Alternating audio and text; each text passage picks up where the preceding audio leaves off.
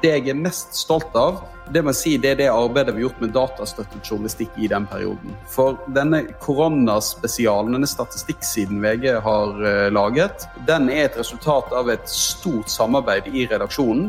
Det å få den bekreftelsen fra publikum, fra leserne der ute om at vi er viktige, og kanskje viktigere enn noen gang uh, gjennom uh, den situasjonen som vi har vært i og som vi er i, det har vært ekstremt tilfredsstillende. Det sa konsernsjef i Amedia, Anders Oppdal. Før ham hørte vi sjefredaktør i VG, Gard Steiro, og begge er gjester i dagens utgave av Den norske mediepodden, der du også møter Bente Håvim, innsikts- og analyseansvarlig i Mediebedriftenes Landsforening. Og vi skal snakke om medieutviklingen dette siste året, og hva vi kan vente oss videre framover.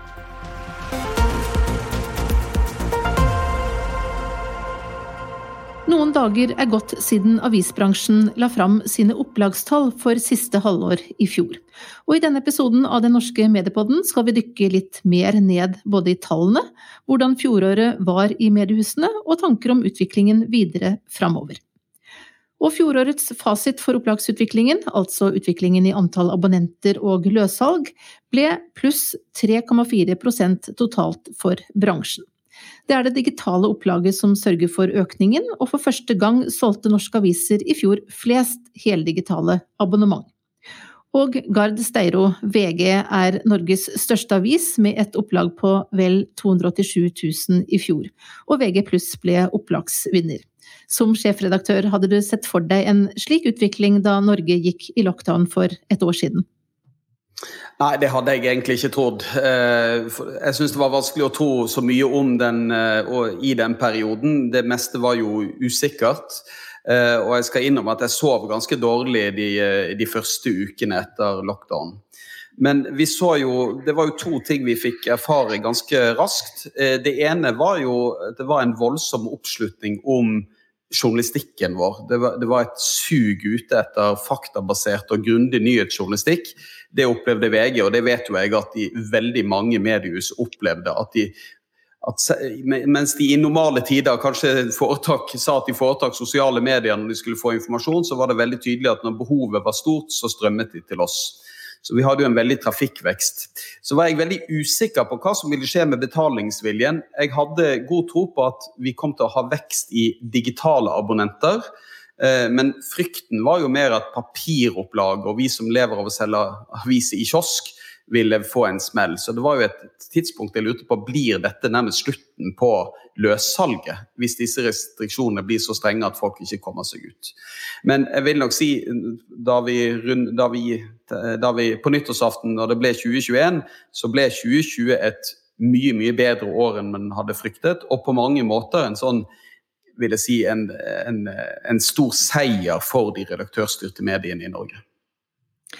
Anders Oppdal av Media har også lagt bak seg et godt år med en opplagsvekst totalt for deres aviser på 6,5% andre halvår i fjor mot samme periode året før. Hvordan er det i forhold til de forventningene som dere hadde for dette veldig spesielle året?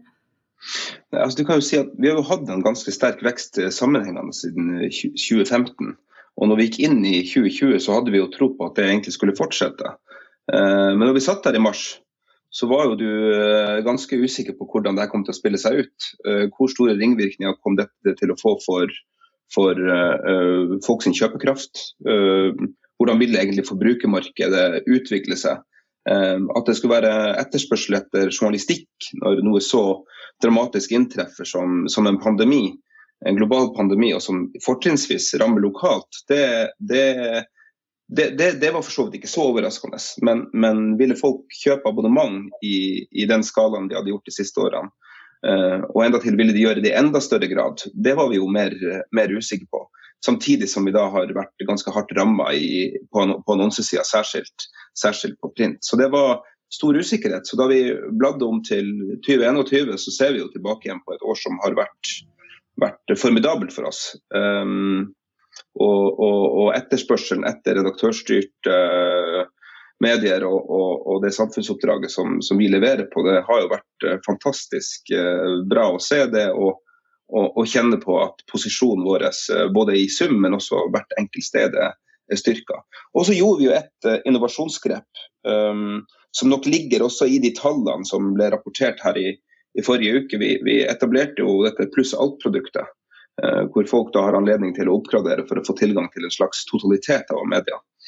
Og det har jo hatt en fryktelig stor eh, etterspørsel. Det er eh, over 200 000 betalende kunder som nå har tilgang til det produktet på tvers. Og fra at vi ikke hadde det produktet i, i, i, i mai i fjor, så er det på kort tid blitt ja, eh, på en litt annerledes måte, men det er blitt Norges tredje største betalte nyhetsplattform i en nasjonal kontekst. Så Det har vi tatt med oss i tallene. og Så vil vi nok se eh, når vi kommer til neste måling at eh, noe av effekten eh, tas ut der, men, men, fortsatt så er den underliggende, underliggende utviklinga svært, eh, svært sterk.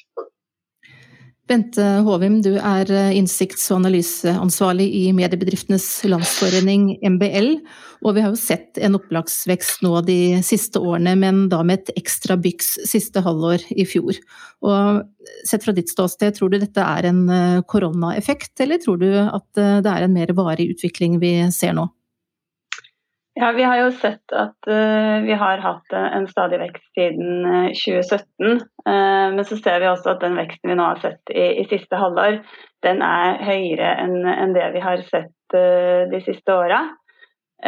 vi har også sett litt på dette med sesongforskjeller, og vi vet at mange mediehus har nok et sterkere andre halvår enn et første halvår. Eh, hvor vi ser en større vekst eh, nå på 3,4% i forhold til 2,2 i forrige andre halvår av 2019. Eh, så uavhengig av hvordan vi ser på det, så ser vi nå at vi, vi, har en større vekst. Det har vært et godt år, og det har nok også vært en effekt av det livet vi har levd det siste året og det nyhetsbehovet som folk har hatt. For første gang er det også solgt flest heldigitale abonnement. Det var en vekst på 12% i antall digitale abonnement andre halvår i fjor, mot en nedgang på 4% på papir. Og hvor raskt går den digitale utviklingen for norske aviser nå? Den, den, går gradvis. Den digitale utviklinga har vi jo sett uh, over de senere åra. Eh, fra i fjor og noen år tilbake i tid, bare tre år tilbake i tid, så var det jo det heldigitale opplaget dobla. Så det har gått veldig raskt. Men vi ser da at det, den utviklinga fortsetter. Og så er det jo sånn at det er noen flere som har eh, komplett abonnement, eh, men det er fortsatt over én million av opplaget som eh, er på komplett. Men der ser vi også via undersøkelser vi har gjort, at en stadig større andel av de som har tilgang både til papir og digitalt innhold, velger å bruke mer og mer av det digitale innholdet. Så den eh, digitale utviklinga skjer både innenfor de rene heldigitale abonnementene, men også innenfor de som eh, har tilgang til flere plattformer. Gahr Steiro VG pluss hadde jo den største opplagsfremgangen i fjor, med en økning på vel 19 600. Hadde du trodd på en slik utvikling da plussproduktet i sin tid ble etablert? Nei, overhodet ikke, må jeg si. Altså, det er mange som har tatt feil rundt uh, når man har spådd utvikling for brukerbetaling i uh, Norge. Uh, og Det er jo et, det er en morsom anekdote, dette. fordi at Da vi startet med VG+, så startet vi jo ikke dette som et bredt betalingsprodukt vi startet jo som en brettavis, rett og slett. At det var da iPaden kom vi startet dette. Det vi trodde den gang, var jo at når man fikk en så stor skjerm som dette, så ville folk legge seg i sofaen og lese mens de lå på ryggen. Og dette ville være en betalingsvillig for, for da kunne man bla litt som i et gammelt magasin. Eh, så jeg må jo, Verken min forgjenger Torry Pedersen, som er jo en av de fremste strategene denne bransjen har hatt, og si, jeg og mange andre tvilte jo på at vi ville få den betalingsviljen for journalistikk vi ser nå. Så, så, det har man ikke trodd på. Men jeg må si at i likhet med Anders Oppdal, så har vi jo sett eh, en jevn vekst siden 2015. Eh, og vi har investert mer og mer i, i journalistikken vår og forbedre produktopplevelsen. Og nå er det sånn at de to-tre siste årene så har vi trodd på høy vekst fra år til år. Og det tror jeg vil fortsette for vår del også i 2021 og framover. Altså, vi har ikke tatt ut potensialet vårt ennå. Det er veldig mye mer vi kan gjøre. Og det er gledelig at det er, det er jo en økt betalingsvilje for norsk journalistikk. Det viser jo veldig mange undersøkelsene, mange undersøkelser viser jo det. Så eh, Mens jeg for noen år siden knapt trodde at det var mulig å ta betalt for journalistikk på internett, så tror jeg i dag at det er, helt, at det er helt avgjørende for norsk mediebransje at vi klarer å, å gjøre oss fortjent til, de, til abonnentenes kroner. Men hva tror du er det viktigste som har bidratt til at vi har fått denne utviklingen, og kanskje spesielt for dere da som eh, var en løssalgsavis som levde av annonser, som nå da er blitt et stort abonnementsprodukt? For det første så er, en, så er, vi en del av en trend der, eh, dette, der, eh, man begynte å betale for mye innhold digitalt. Det begynte jo med musikk, så kom det strømmetjenester, og norsk journalistikk og norsk mediebransje rir litt på denne bølgen, der det er en det er bare en endring i publikums oppfatning av at, hva som skal være gratis og hva man tar betalt for. Og så har mediene synes jeg, gjort en god jobb her. Etter en litt, start, en litt famlende start, vil jeg si, der man ikke helt der man prøvde metamodeller og, og litt ulike måter for å, for å, gjøre dette, for å ta betalt, og samtidig kunne opprettholde høy trafikk og få masse annonser, så har man mer reindyrket enn uh, brukerbetalingsprodukter etter hvert. Og da har man både Man har jo heldigvis da klart å satse mer på journalistikk. Jeg syns kvaliteten på det som tilbys abonnenter i dag, er blitt bedre. Og så tror jeg at det har skjedd en modning i både enkelte mediehus og i mediekonsernet, der man er blitt flinkere til å bruke data. Og Noen vil jo si at eh, det å bruke data kan være en trussel mot mediemangfoldet. Jeg mener jo at det er helt nødvendig for å kunne komme ut med riktig innhold til abonnentene våre. Men òg å lage virkelig de tjenestene som oppleves som relevante for dem, og de dermed er interessert i å betale for. Anders Oppdal Amedia eier jo mange aviser over hele landet i ulike lokale markeder, i tillegg til Nettavisen som nasjonalavis. nasjonal avis. Og dere har jo også nå for uh, første gang da totalt sett eh, flere digitale abonnement enn papirabonnement. Men henger alle avisene med på denne utviklingen, eller ser dere store forskjeller mellom de ulike avisene her? Ja, altså, Den underliggende utviklinga er jo god for, for alle aviser. Uh, og så er det klart det er et strekk i laget. Uh, uh, til en viss grad. Noen var jo veldig tidlig ute med å starte digitaliseringsreiser og hadde et betydelig fortrinn da vi, da da da vi begynte med å ta betalt for, for digitale abonnement. to eksempler på det var Nordlys og, og Fredrikstad Blad. Og det er klart, De har kommet noe lenger enn de andre i forhold til digitalisering av abonnementsbasen sin. Også i det hele tatt digitalisering av, av, eh, av, sin posisjon. Men du kan jo si eh, sånn, gjennomgående at vi nå er på en 54-55 digitalandel i abonnementsmarkedet. Eh, det, det, det, det, reflekterer nok egentlig snittet en, og, og, og, der hvor de fleste ligger, ganske, ganske så godt.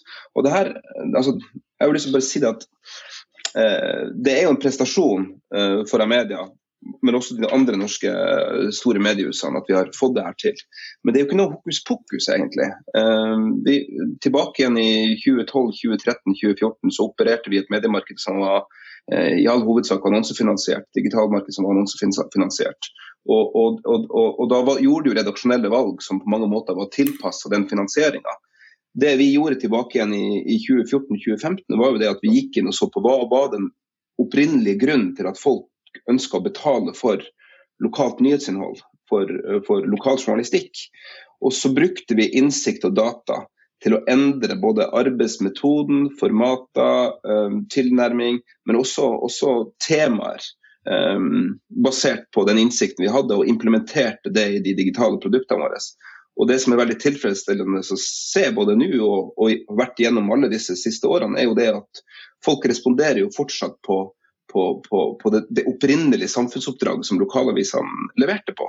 Eh, det, er ikke, det, er ikke, noe, noe, noe, noe helt annet folk vil ha. Folk er fortsatt opptatt av hvordan går det på, på skolene, hvordan er det med den lokale utdanninga, hvordan går det med kommunen, eh, hvorfor brøytes det ikke.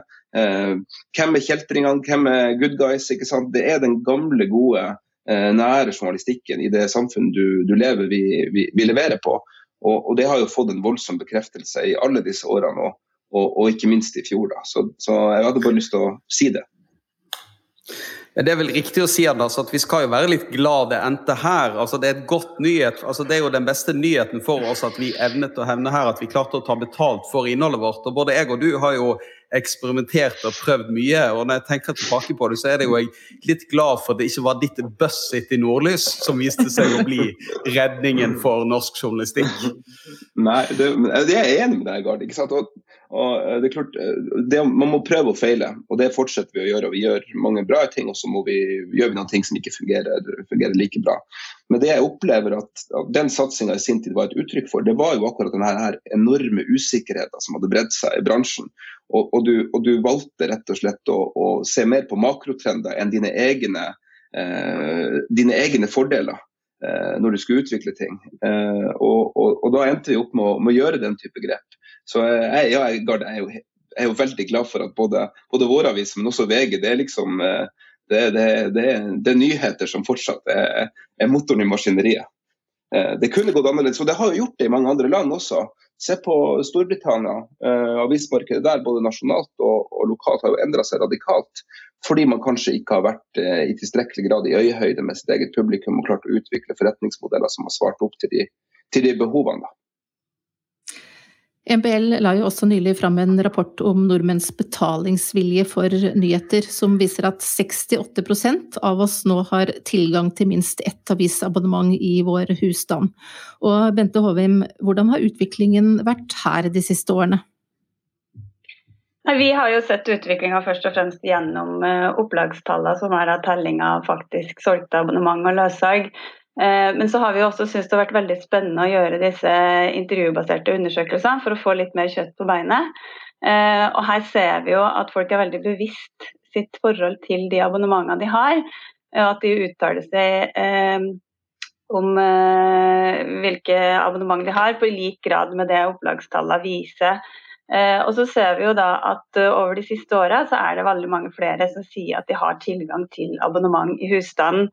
Og det som er ekstremt uh, spennende, er å se at også de unge i større grad nå svarer at de har tilgang til abonnement. Og at de i stor grad betaler også for disse sjøl. Så, så, de har tydelig vært blitt fenga av de nye tjenestene som har kommet, ikke minst disse plussabonnementene, som, eh, som Gard også omtaler her fra VG+. Så ser vi at det er en, eh, en, veldig stor vekst i andelen av de under 30 som har tilgang til denne type abonnement bare på noen få år nå. Eh, så utviklinga ser vi også veldig positivt i de undersøkelsene vi gjør.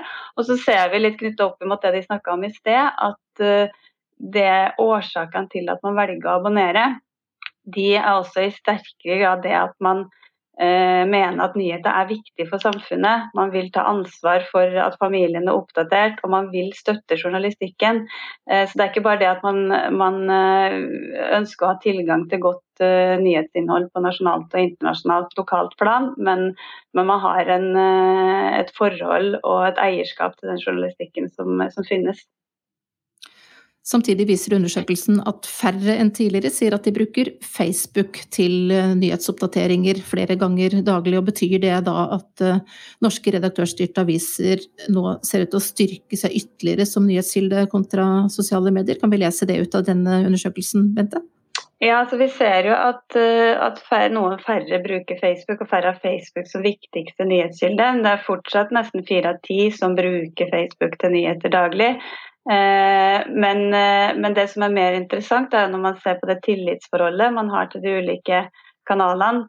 Eh, så kommer de sosiale mediene ganske langt ned på lista.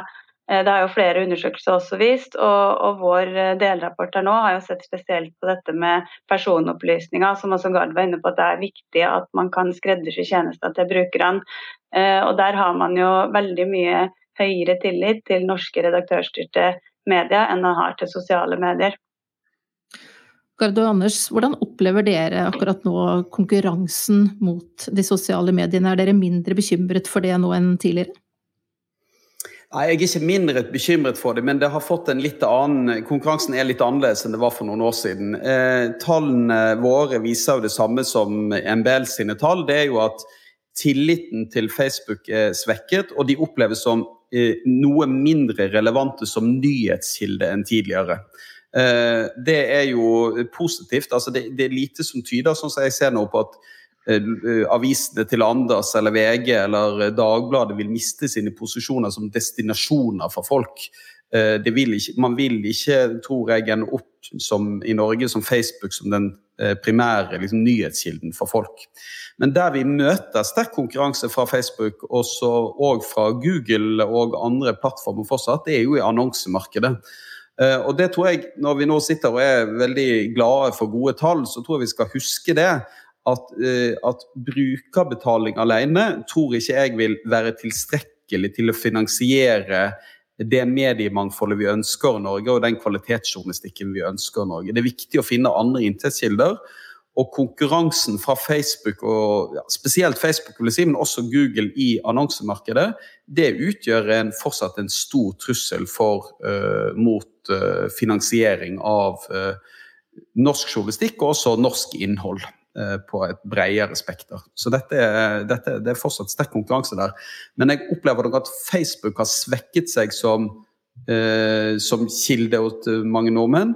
Men vi skal jo også være klar over at det dukker opp andre plattformer som oppleves nokså mer relevante innenfor noen målgrupper. Og vi ser jo mye på hvordan Snapchat, Instagram, TikTok og en del andre plattformer virkelig er primærkanalene for mange av de yngste brukerne. Og det må vi forstå, hvordan vi kan bli mer relevante for de, eh, for de aller yngste. Hva tenker du Anders om eh, konkurransen fra sosiale medier sånn generelt? Nei, altså den, eh, si, altså, Vi var jo inne i en fase hvor flere og flere sa det at vi kom til å være avhengig av distribusjonskrafta som de sosiale mediene representerte. Det har vi jo egentlig fått dokumentert at, at uh, det, det, det, den risikoen er ikke like stor. De er fortsatt der og de er en del av, av bruksmønsteret til folk, men, men, men, den funksjonen som de har, altså broadcast-effekten som våre aviser, mediehus, uh, mediehus har, uh, den er jo bekrefta som, uh, som, viktig. Den er, den er, funksjonell, og det klarer ikke Facebook å svare opp, eller andre sosiale medier å svare opp akkurat samme måte. Jeg deler bekymringa fra Gard knytta til disse nye. Vi vet hva vi har nå, men vi vet ikke hvordan dette kommer til å utvikle seg fremover. Så det må vi jo forholde oss til. Men der hvor vi har en reell utfordring, og det var jo Gard inne på her, med, i annonsemarkedet, der ser vi jo det at der vi har klart å gjenopprette en sterk lokal relasjon i forbrukermarkedet på abonnementssida, så er det fortsatt sånn at uh, mye av det lokale salget som vi har, var ene, enehersker over, nesten skulle jeg si, på, på, papir i sin tid, det er blitt mye mer, mye mer, utfordrende. Hvor lokale aktører, hvor lokale kjedevirksomheter, men altså lokalt næringsliv, um, da bruker uh, mye av sin uh, annonsespending på disse kanalene, og hvor ikke vi enda kanskje har uh, klart Om ikke vi har klart å utvikle, så vi har i hvert fall ikke klart å fortelle om fortreffeligheten ved, ved, ved, ved våre digitale posisjoner som, som, de mest effektive annonselokalene lokalt. Og Der har vi en, en, en stor jobb å gjøre, både, både, vi vi, både, vi og, andre. Og Dette treffer også på regionalt, men også, også nasjonalt. Så Der er det en, en, utfordring fortsatt fremover, gitt at uh, annonseinntekter er så viktig for å finansiere journalistikk. Og Der har vi en jobb å gjøre, rett og slett. Jeg tror Noe av svaret på det, det er innovasjon. Og så tror jeg noe av svaret faktisk er samarbeid mellom norske publisister. Ja, dette, det, det, det Anders sier der, det er jeg veldig, veldig, det er jeg helt enig med han i når det gjelder samarbeid. Eh, og Det har jo eh, ofte vært en del diskusjoner på en måte om eierskap i Norge og, eh, og mediemangfoldet i Norge. I 2015 så hadde vi helt reelle diskusjoner i, i VG og i Skipsted om framtidens avis var på en måte en destinasjon, altså noe folk oppsøkte, eller med redaksjonene måtte nå gå over i en distributørrolle.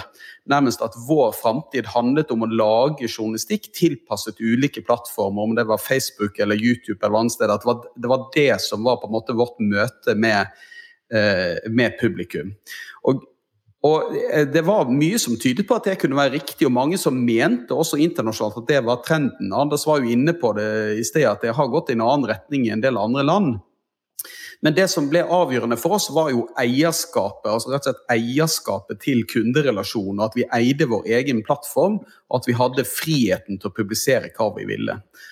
Og Det skal vi være veldig glad for i Norge, men det er ikke noen, er ikke noe selvfølge at det eh, består. Og skal vi i Norge, som er et lite land og et lite språkområde, lykkes her, så tror jeg at samarbeid mellom redaksjoner, samarbeid mellom mediekonsernene for å trygge på en måte mediemangfoldet i Norge, det er noe av det viktigste vi kan gjøre. Den innovasjonen som uh, Amedia sto for i, i pandemier, som jeg har sett liksom, i sånne internasjonale nå, eh, mediekonferanser trekkes fram liksom, som virkelig, virkelig, noe av det viktigste som har skjedd i et marked i 2020 den er jo et eksempel på det, hvordan du må bygge tjenester som, som gjør det lettere for eh, nordmenn å få tilgang til kvalitetsjournalistikk.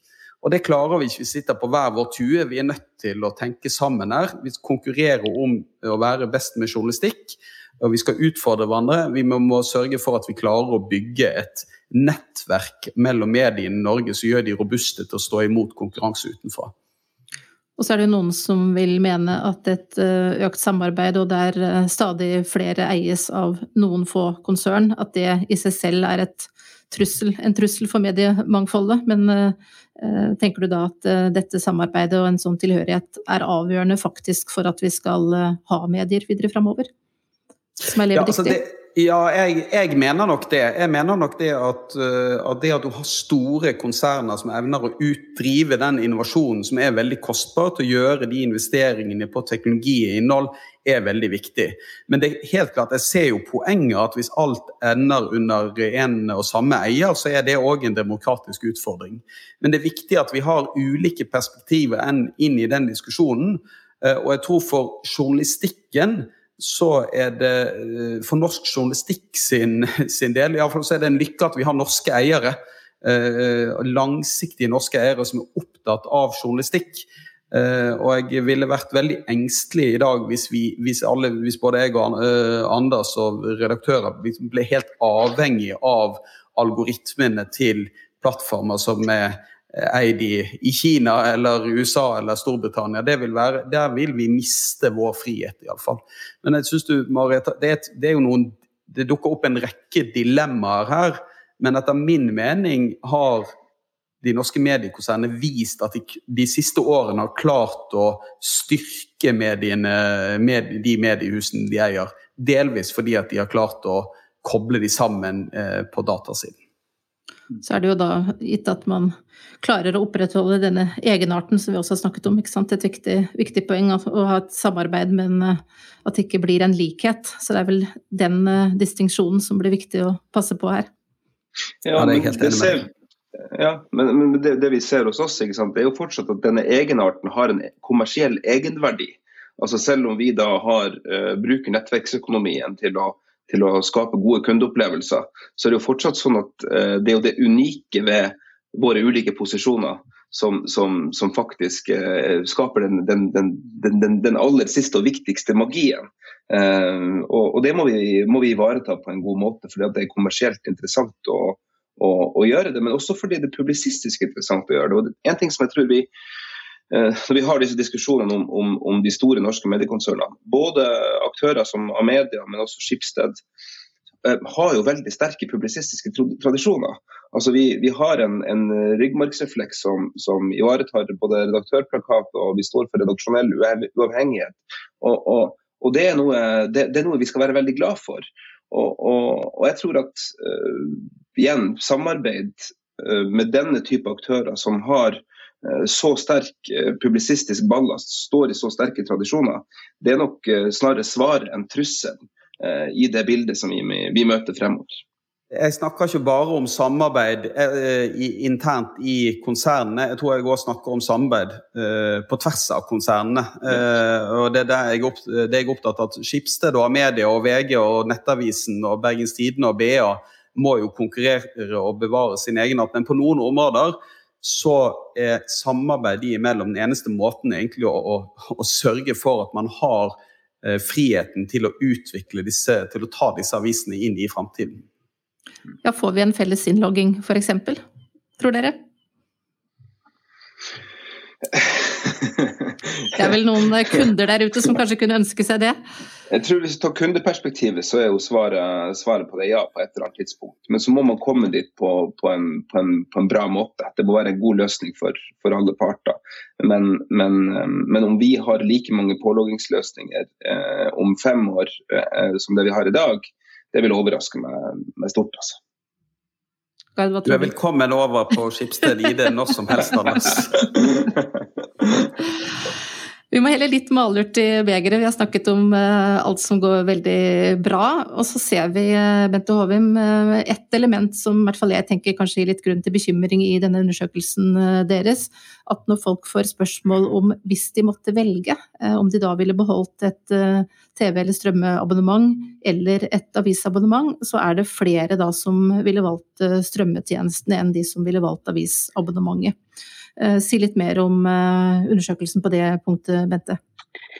Ja, eh, vi, vi, ser jo det at i den store potten av abonnement som forbrukerne har, så er det jo stadig mer å, å velge i. Det er ikke bare avisabonnement og nyhetsabonnement, men også ulike typer strømmetjenester fra musikk til TV- og filmtjenester. Eh, undersøkelsen viser jo at det i dag er like mange som har tilgang til et uh, avisabonnement digitalt eller papir i husstand, som det er som har tilgang til en strømmetjeneste for TV og film. og så har vi spurt om hvor viktig de syns at de ulike abonnementene sine er for dem og for husstanden. Og da svarer aller flest at det er avisene som er viktigst, og de er viktigere Eh, for abonnenten av avisa enn det strømmetjenesten er for abonnenten på det. Men så i neste ledd, hvis de da ber dem om å prioritere, at de kun får lov å velge ett abonnement det neste året, så er det veldig mange flere som da velger seg strømmetjenester enn det er eh, avisabonnement. Eh, og de vil også i større grad velge seg de utenlandske strømmetjenestene enn de norske. Så det er jo et uh, paradoks som vi ser uh, i undersøkelsen, og som klart uh, kan få følger for utviklinga også for de, de, norske redaksjonsstyrte mediene framover. Gir dette dere problemer med nattesøvnen, Garde Anders? Nei, I utgangspunktet ikke. Jeg, eh, jeg, jeg, er egentlig positivt overrasket å se den undersøkelsen at, de, altså at avisabonnementene kommer så høyt opp på listen. Eh, så håper jeg vi ikke kommer i den situasjonen at, eh, at veldig mange forbrukere må ta det valget mellom tross alt relativt lavt prisete produkter i dag. Men, men, når vi ser at vi ikke ligger på topp, at vi ikke er, er top of mind, som det heter, hos brukerne når de må gjøre den prioriteringen, så må vi jo se det som en utfordring. Altså, jeg tror, eh, jeg tror vi, vi, ser veldig mange muligheter til at vi kan utvikle eh, våre, våre tjenester, vår journalistikk. Og målsettingen må jo være å gjøre oss uunnværlige. Vi får gjøre, prøve å gjøre, I stedet for da å være bekymret for dette, så får vi se det som en utfordring at vi får gjøre oss fortjent til eh, abonnentenes tillit, og at de når MBL gjør den undersøkelsen neste gang, at de da eh, rangerer avisabonnementet sitt helt på toppen av listen. Dette får vi bare ta som en utfordring.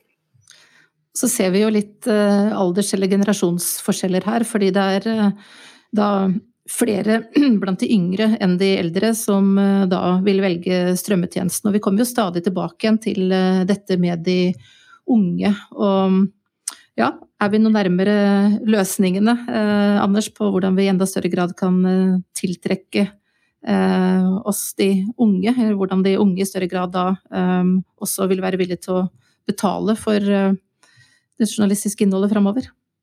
Ja, men Det tror jeg, og det viser jo tallene også. Altså, For bare um, noen få år siden så var det jo sånn at eh, abonnementsbasen ble ett år eldre i året. Eh, mens de siste årene så har eh, halvparten av abonnementene som er solgt i Amedia, vært solgt til folk under 40. Eh, og så høres jo så kanskje det å være 40 deg, Du er kanskje ikke, er kanskje ikke så, så, ung da, men, men, men det, det, det, viser likevel at vi treffer i større og større grad de yngre og nyetablerte husstandene. Det tror jeg er kjempeviktig. Til, til akkurat det funnet i undersøkelsen om, om hva man ville prioritert hvis man hadde kniven på strupen. Jeg tror det, Altså det, det, det, sier også implisitt at vi er nødt til å gjøre mye produktutvikling fremover. Um, det vi har sett med, med måten vi har utvikla nettverksøkonomien vår på, det åpner jo også noen muligheter. Jeg registrerer at uh, VG gjør, og Skipsted gjør offensive satsinger på lyd. Vi har gjort uh, offensive satsinger på, på sport og, og, for så vidt eksperimentert litt med dramaproduksjon og den type ting. Jeg tror at i årene fremover, som en følge av konvergensen, så vil journalistikken alltid stå i kjernen av det vi holder på med. Men vi er nødt til å lage kundeopplevelser som, som gjør at folk velger å bruke enda mer tid på våre plattformer og i rammen av våre produkter. Og lykkes vi med det, enten det er nyhetsinnhold eller underholdningsinnhold eller annen type ting, så tror jeg også at man kommer til å se at vi står sterkere i den, i den prioriteringsdiskusjonen når, når, folk skal svare på det spørsmålet. Så jeg tar det mer som en utfordring, eh, snarere enn å se på det her som et problem. Bente? Jeg hadde bare en kommentar til det på, på, det med attraktivt og relevant nyhetsinnhold. Det ser jo vi også i undersøkelser at det er på en måte kjernen. Eh, og det blir rangert like høyt uavhengig av hvor gammel du er, så er det det som er eh, det viktigste. Mens mer sekundære faktorer som, eh, som pris eller om det er personaliserte tjenester, der varierer det mer med alder. Men nyhetsinnholdet og attraktivt nyhetsinnhold det er noe som, som alle rangerer høyt og, og vil ha. Det har jo kommet eh, de siste dagene nyheter om, eh, som eh, ja, var vel Anders som var inne på det her, offensiv podkastsatsing på mer underholdningsrettet innhold fra Skipsteds side. Er dette et ledd i jakten på de unge? Ja, det er det, det er det, helt klart. Og det som Anders sier, at jeg tror vi alle leter etter sekundærinnholdet vårt. Altså det er nyheter som er kjernen. Eh, men når vi nå gjør en satsing på podkast, så er det jo fordi at eh, vi tror at folk kommer til å lytte mer framover. Vi tror at de kommer til å eh, konsumere mer vanlig journalistikk, men òg mer underholdning via lyd. Og Da kan vi på en måte stå vi overfor litt det samme valget som er beskrevet rundt 2015, om vi skal distribuere på andres plattformer eller egne. Det, det Skipsted gjør nå, er å bygge en plattform for norsk innhold og da har vi kontroll sjøl. Da slipper vi å være avhengig av Spotify eller eh, Apple eller noen andre når vi skal produsere journalistikken vår. Så dette mener jeg er et offensivt og riktig trekk av, eh, av Skipsted, som dypest sett ikke bare handler om å nå unge, men òg å ha kontroll på norskprodusert innhold innenfor landets grenser. At man slipper å være avhengig av, av andre. Men jeg tror jo òg at dette kan benyttes til å nå ut til flere. Og så vil nok denne plattformen inneholde langt mer enn eh, underholdning, selv om det òg er viktig. Til slutt, hvis vi ser litt uh, framover, uh, utviklingen ja, i det året vi er i gang med, også litt videre framover, hvor ser dere både de største mulighetene og de største risikofaktorene, sånn som situasjonen er akkurat nå? Stort spørsmål, men fritt fram. Jeg kan jo begynne med, med, kanskje den største utfordringen, da, eller som jeg ser utfordringen. Det er, det er, at norske medier, selv om har, man har klart å vri mye av abonnementsbasen sin digitalt, så er vi fortsatt veldig avhengig av inntektene fra papiravisene. Uh, og der, uh, Sånn som jeg leser tallene, så kan det skje store endringer i selve papiravismarkedet de neste årene. Eh, og dette er òg en økonomi som er veldig sammenfiltret, der vi er gjensidig avhengig av hverandre. Så hvis én aktør går ut eller får problemer eller kutter i frekvensen, eh, så kan, eh, så kan det få store ringvirkninger. Og aviser som har i dag et stort opplag og relativt god økonomi på papir, kan få økonomien sin kraftig forverret veldig raskt. Og, og jeg tror det er både på trykkerisiden er vi nødt til å se på hva vi kan gjøre, men òg på distribusjon kan bli en møllestein rundt halsen for mange aviser. Og det, det kan komme veldig brått, frykter jeg, eh, og det kan få ganske store ringvirkninger. Så, så det er for, altfor tidlig å avblåse krisen for norsk journalistikk, og akkurat dette skiftet fra en, en, eh, fra en papir eh, altså den, Der papiravisen fortsatt finansierer mye av det vi holder på med, til en ren digital økonomi, den vil bli krevende for veldig mange mediehus. Så vi har relativt kort tid, etter min mening nå, på å bli det jeg kaller digitalt lønnsomme. At vi har digitale inntekter som er høye nok og robuste nok til å finansiere journalistikken vår. Jeg kan bare slutte, slutte meg til det Gard sier der. Jeg tror også det er, det er kanskje den største trusselen de neste, neste tre, og, tre, og, fire årene. Hvordan skal vi klare å opprettholde papirproduktene våre eh, både hver for seg og i sum som en asset, og ikke bare i rammen av media, men egentlig hele det norske avislandskapet. Eh, det er helt riktig som Gard sier, vi, vi bærer ut aviser sammen. Vi trykker oss så mange steder eh, sammen. Noe av svaret her det er å klare å, å finne gode samarbeidsløsninger og gode si, avtaler på vegne av, av avisene og de, de, de, de, ulike mediehusene rundt omkring. Eh, men det er en stor jobb. Um, og når vi ser på de tallene som ble lagt frem i forrige uke på, på, på fallet på print, så er jo det, selv om ikke det er like bratt som det kanskje har vært i perioder, så er det fortsatt uh, bratt. Og det er bare å ta frem kalkulatoren. Uh, for hver papirabonnent som forsvinner, desto mer krevende blir det i allerede relativt effektive verdikjeder. Så det blir en stor jobb både for Amedia, og Schibsted og Polaris, og, og, ikke minst de frittstående aktørene som, som er, er avhengig av oss, av oss andre. Vi, vi, bruker veldig trofaste til de kildene vi, vi har, men at det, den sammensetninga av kilder den, den, blir stadig bredere. Eh, både av internasjonale aktører og i, i, forhold til produktutvikling på det norske markedet.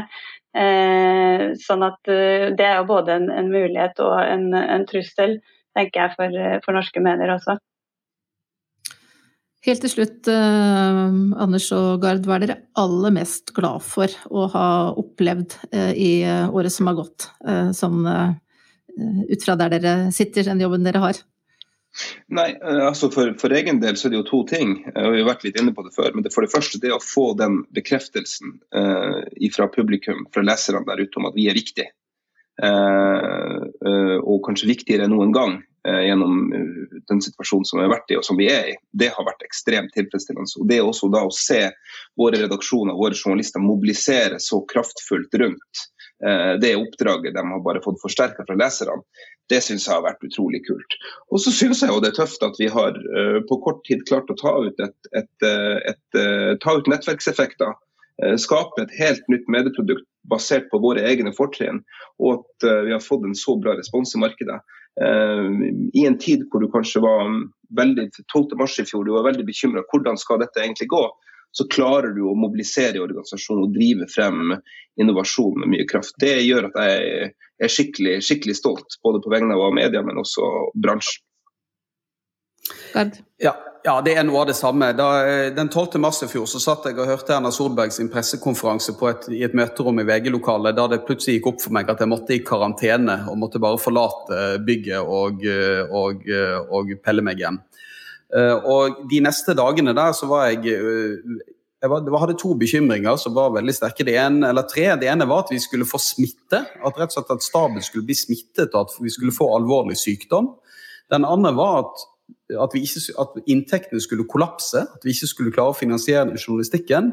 Og den tredje var om vi klarte å, eh, å oppfylle samfunnsoppdraget da det virkelig gjaldt som mest. Og nå har ingen eh, blitt alvorlig syke i VG, og vi har heller ikke opplevd at inntektene har kollapset. Men det jeg er mest stolt av, det må jeg si, det er det arbeidet vi har gjort med datastøttet journalistikk i den perioden. For denne koronaspesialen, denne statistikksiden VG har uh, laget, den er et resultat av et stort samarbeid i redaksjonen fra 30 hjemmekontor, der man har klart å bygge en tjeneste som har over, nå over 300 millioner sidevisninger. Og det er, det, er et, det er, et, så absurd høyt tall at det er vanskelig å, nesten å forstå det. Men det viser jo at vi har klart å gjøre en forskjell. Vi har klart å lage noe som har vært viktig for så å si alle nordmenn gjennom et helt ekstraordinært år. Tusen takk til Gard Steiro, sjefredaktør og administrerende direktør i VG, konsernsjef Anders Oppdal i Amedia og Bente Håvim, som er innsikts- og analyseansvarlig i MBL. Du har lyttet til den norske mediepodden fra Medietilsynet, og jeg heter Mari Welsand.